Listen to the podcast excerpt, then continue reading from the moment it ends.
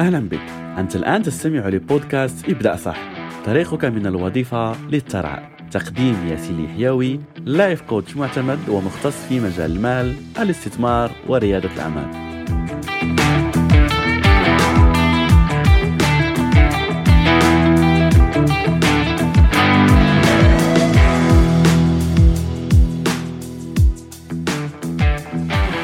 أهلا ومرحبا بك في حلقة جديدة من رسالة ابدا صح حلقة اليوم سأشارك معك أسرار لكي تستمتع في العطلة الصيفية وأنت راجع من العطلة والأهم أن تحافظ على أموالك ولا تفلس في هذه العطلة لأنه للأسف هذا الذي يقع مع أغلب الأشخاص يضيعون كل أموالهم ثم يعودون ويحس ممكن بندم يحس بزعل على أنه لا يجد أموال وممكن هذا يتطور أكثر ويلجأ الأشخاص لقروض ولا ديون لكي يكملوا الصيف ولا لكي يكملوا الشهور والالتزامات الأخرى التي عندهم خصوصا لما تعرف على أنه الصيف يكون فيه كذلك مناسبات هناك عيد الأضحى هناك الدخول المدرسي في نهايته. فلو صرفت كل الأموال التي عندك خلال العطلة ولا خلال المصيف فكن على يقين على أنه هذا سيحدث خلل في كل الأمور التي عندك خصوصا مع التضخم المالي وزيادة الأسعار التي تحدث في العالم حاليا.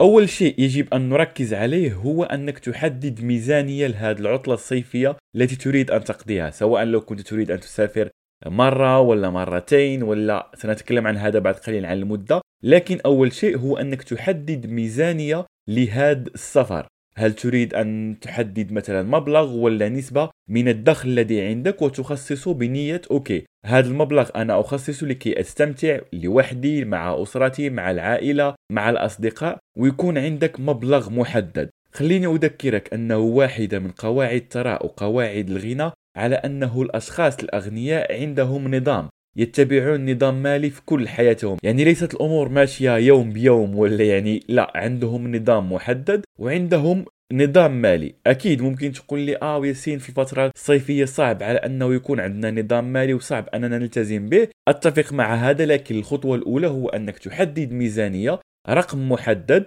ألتزم بأني هذا هو المبلغ الذي أحدده لكي أقضي به الفترة الصيفية. وسأتكلم بعد قليل في التفاصيل لكي تلتزم فعلا بهذا المبلغ. تمام؟ فأول شيء هو أنك الآن أتمنى يكون عندك ورقة وقلم وتبدأ يعني معي في التطبيقات أن هذه الحلقة حلقة تطبيقية على أنك تحدد هذا الرقم. لما تحدد هذا الرقم أريدك أن تخصص 10% إضافة لهذا المبلغ. مثلا لو حددت على أنه مبلغي 700 دولار ولا 700 جنيه ولا 700 درهم ولا 700 ريال على حسب عملتك وعلى حسب المبلغ الذي حددته فيكون عندي هذا المبلغ إضافة له 10% لممكن الطوارئ التي تحدث في العطلة الصيفية ولا الطوارئ اللي ممكن تحدث لك في السفر. لو كان بإمكانك أنك تضيف هذا المبلغ 10% من مبلغ 700 اللي هو 70 كإضافة كان بها إن لم يكن هذا في استطاعتك فخذ هذا 10% من المبلغ الذي حددته تنقص 70 من 700 تبقى لك 630 فبالتالي 630 في هذا المثال هو المبلغ الذي سأخصصه لهذه الرحلة الصيفية بدل 700 وهذا 10% سأحتفظ بها ممكن لو قدر الله وقع شيء ولا يكون عندي هذا المبلغ احتياطي ممكن أستعمله في نهاية هذه الرحلة.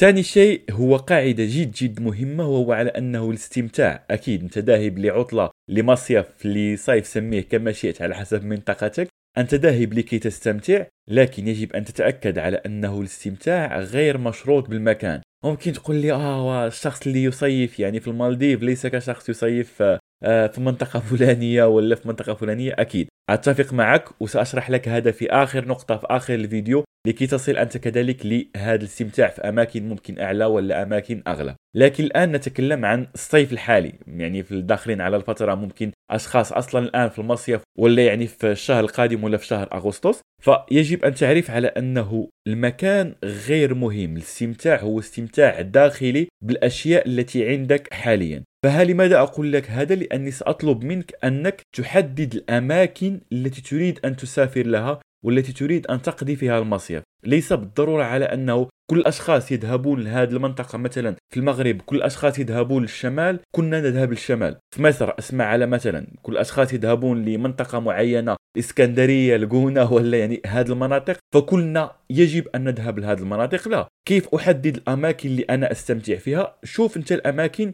المناسبة لك. هل تحب مناطق جبلية تحب مناطق ريفية مناطق بحرية؟ حدد هذه الأماكن وشوف الأماكن اللي مناسبة لل budget اللي حددته اولا. لا تذهب الأماكن آه غالية فقط لكي أعمل story ولا لكي أصور للناس أني ذهبت لهذه الأماكن لا. اذهب للأماكن اللي ستستمتع فيها أنت مع عائلتك مع أسرتك. أكيد لو كان عندك المال الكافي حاليا اذهب لهذه الأماكن ومتع نفسك ومتع أسرتك لكن لو لم يكن هذا مناسب لك فعادي اقبل به وخلي عندك هذه الفرصة على أنه القاعدة اللي قلنا في الأول أستمتع في الرحلة وأنا راجع ولا أضر. ميزانتي ميزانيتي عفوا المالية والأهم يبقى عندي مال يكفيني لطيلة الصيف. بعد أن تحدد المكان حدد الزمان والمدة الزمنية. كم سأجلس في هذا المكان؟ هل أسبوع؟ هل شهر؟ هل ميزانيتي كافية على أني أقضي ممكن شهر؟ فقط يومين ثلاث أيام؟ حدد هذا المكان والزمان وهذه المدة الزمنية لأنه كل هذا داخل في الخطة وداخل أنه يكون عندك خطة واضحة المعالم وخطة محددة الأشياء التي ستقوم بها أولا كمكان وكزمان.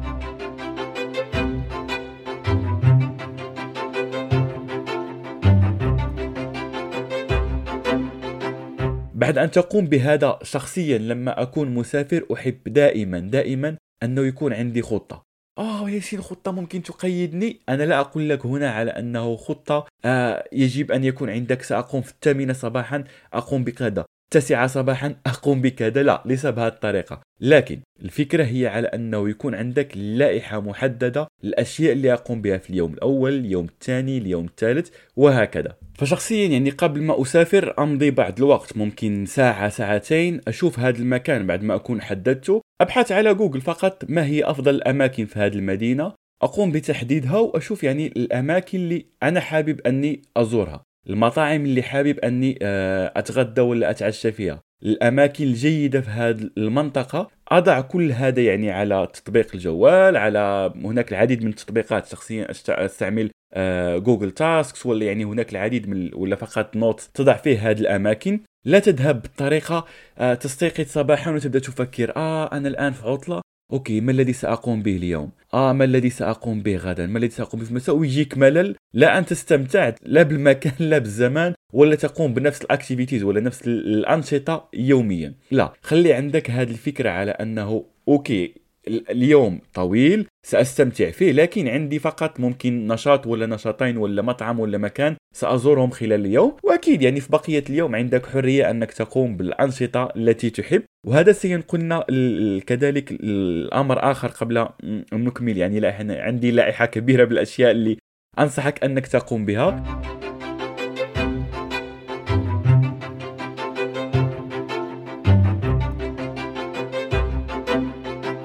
هو موضوع الأشياء اللي تشتريها سواء اللبس سواء السيدات مكياج ولا الكريمز ولا كل الأشياء الكريمات عفوا اللي يستعملها السيدات ولا كذلك اللبس خلي عندك بادجت لا تشتري الأشياء الغير لازمة لك ولا اشياء عندك العديد من الملابس ولا العديد من المنتجات اللي ممكن تستعملها استعملها. لست مضطر أن يكون عندك كل شيء جديد. عارف على أنه الفترة الصيفية يعني الأشخاص يحبون أن يكون عندهم أشياء جديدة إلى غيرها لكن تشتري الأشياء اللي أنت تحتاجها. ليس فقط الأشياء اللي شفتها على إنستغرام ولا اللي شفتها على موقع. وهذا بالمناسبة شخصيا اشتغلت في التجارة الإلكترونية واشتغلت كمسوق. لو كنت أشت... أتكلم الآن مع مسوق أعطيك أفكار لكي تقنع الأشخاص. هذا من جهة. أنا الآن أتكلم مع شخص مستهلك فبعقلية المستهلك لا تذهب وراء أي تراند ولا أي شيء جديد. آه ويلا خليني أجرب. خلي عندك شوية منطق وخذ لك الأشياء اللي أنت تحتاجها. ليس الأشياء اللي يسوقها لك الناس. okay؟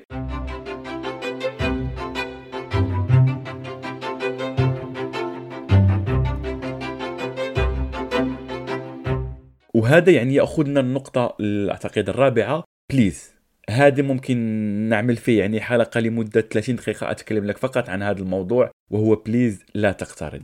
لا تقترض الأموال للسفر. لا تقترض الأموال من أجل العيد. لا تقترض الأموال من أجل أشياء ممكن تتغاضى عنها ولا تقلل ال budget لكي تتناسب معك ومع أسلوب حياتك. ليس كما قلت لك ليس معنى على أن أشخاص معينين يذهبون لأماكن معينة أنك تقترض ولا تصرف كل ال budget اللي عندك وترجع في نهاية الشهر تكمل الشهر بالاقتراض ولا بالديون ولا لا تجد الأكل ولا لا تجد ضروريات في منزلك. please خلي عندك منطق على أنه أهمية ال budget. أنا هذا هو الشيء اللي قادر أني أصرفه. ولو كان عندك يعني آه، تحديات ولا ضغوطات من الأسرة من الأطفال حاول أنك تشركهم في هذا النقاش. حاول أنك تشركهم في اختيار المكان. لو كان أطفال كبيرين ولا يعني كبيرين في السن ممكن تناقش معهم ولا كذلك مع الزوجة. ناقشوا هذا الموضوع على أنه البادجت اللي ممكن أخصصه هو هذا ليس عيب.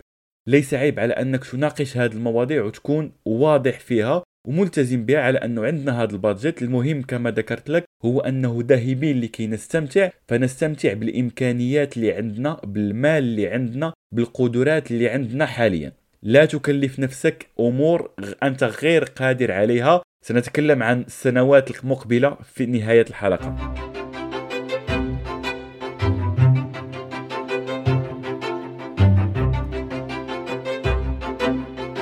أمر آخر أريد أن أشاركك وهذا يعني طلب شخصي وكن على يقين على أنه سيبسطك بشكل كبير جدا جدا لأنه فيه قيمة العطاء. لما تذهب لهذه الأماكن كن على يقين على أنه هذه أماكن سياحية غالبا غالبا في كل الدول العربية ولا في دول العالم هذه الأماكن تشتغل فقط في الصيف. فبالتالي لما تذهب هناك ابحث عن الأشخاص المحليين ليقوموا بمنتجات محلية ممكن أكلات محلية ممكن أناس بسطاء يقومون يعني بالتسويق لهذه المنتجات المحلية. ولا تقوم فكره على أنه آه هاد الاشخاص يستغلون الناس أو لا أضيع أموالي. لا. هنا خذها بنية wow. أنا سبب من الله عز وجل لرزق هاد الناس.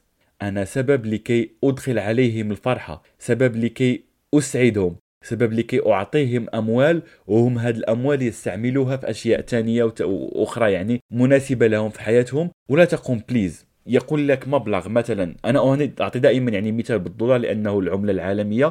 فلا تقوم يعني يقول لك 10 دولار وتقول له آه 10 دولار كثير فقط 7 دولار فقط 5 دولار.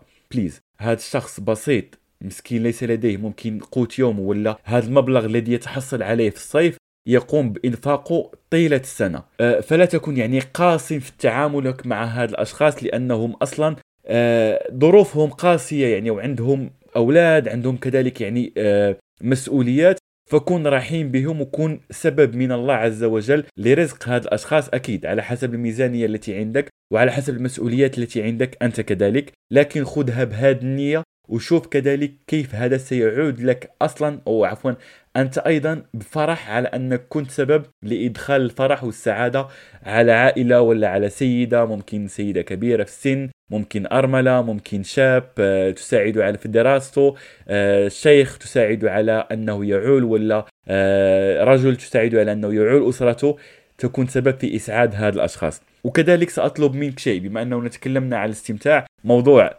خارج عن موضوع المال هو جرب أشياء جديدة.